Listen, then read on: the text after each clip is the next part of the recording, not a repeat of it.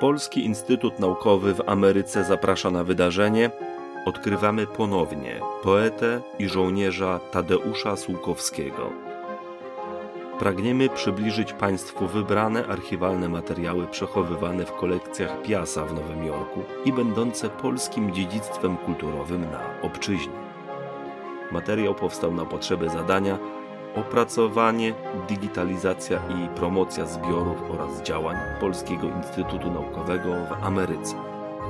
Dofinansowano ze środków Ministra Kultury, Dziedzictwa Narodowego i Sportu Rzeczypospolitej Polskiej.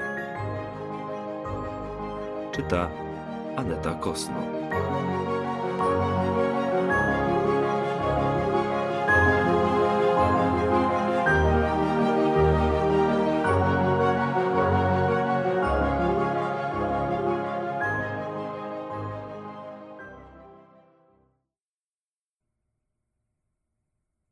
28 marca 1947 Droga i kochana pani, dość długo już nie pisałem, ale też w tym czasie było parę rzeczy nie tyle ważnych, co wypełniających życie obozowe.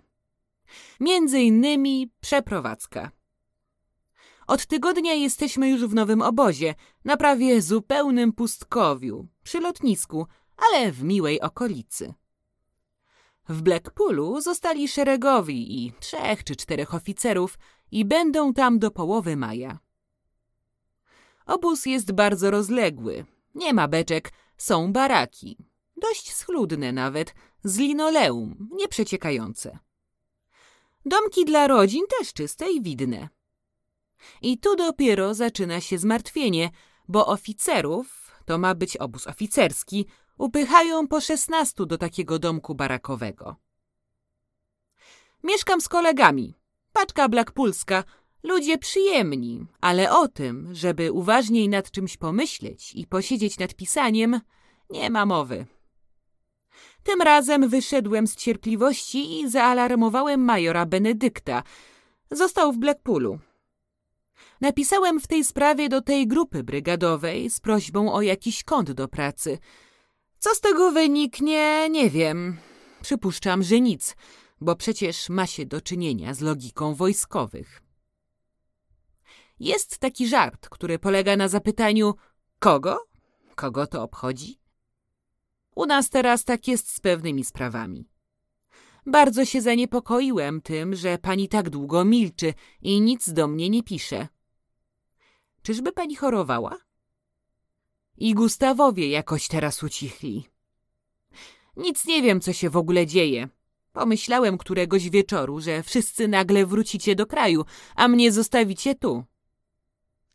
No bo jak tak nikt nie pisze, to różne rzeczy przychodzą człowiekowi do głowy. Posłałem teraz Sowińskiemu sprawozdanie z Jabłuszka Piaseckiego i będę ciągnął recenzję z dwóch jego następnych rzeczy. Obawiam się, żeby się to nie skończyło tylko na zamiarze, bo jeśli nie dostanę jakiegoś konta, pakuję wszystko do walizy i zacznę się tak samo obijać jak reszta. Ten brak żywego zainteresowania się ludźmi zaczyna być najzwyczajniejszą łobuzerką. Bo proszę pani, pracuję poza biblioteką i wszystkimi innymi dobrami. Rozumiem, że sytuacja, że trudno. Dobrze, jestem w obozie ale żeby i tu o najprostsze rzeczy, o naprawdę minimum trzeba było walczyć, użerać się. I nie jest wykluczone, że bez skutku to naprawdę można do reszty stracić cierpliwość i resztkę szacunku dla tych ludzi. Dobrze wyjdziemy na tym życiu normowanym przez cymbałów wojskowych.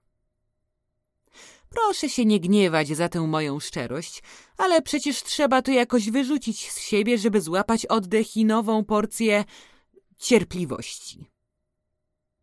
A może wszystko dobrze się zakończy i będę mógł sobie trochę uczciwiej popracować. Zobaczymy. Jak tylko przyjdzie w tej sprawie odpowiedź, zaraz pani napisze o tym. Niechże pani, jeśli im co zbroił, przebaczy, choć jeśli chodzi o panią, to oprócz ciągłych wyrzutów sumienia, że nie przysiądę fałdów nad krauzami, Chyba nic takiego na wnętrzu do rozgrzeszenia nie mam. Więc niechże pani przebaczy i napisze. Dużo pozdrowień i życzeń zdrowia i radości. Tadeusz.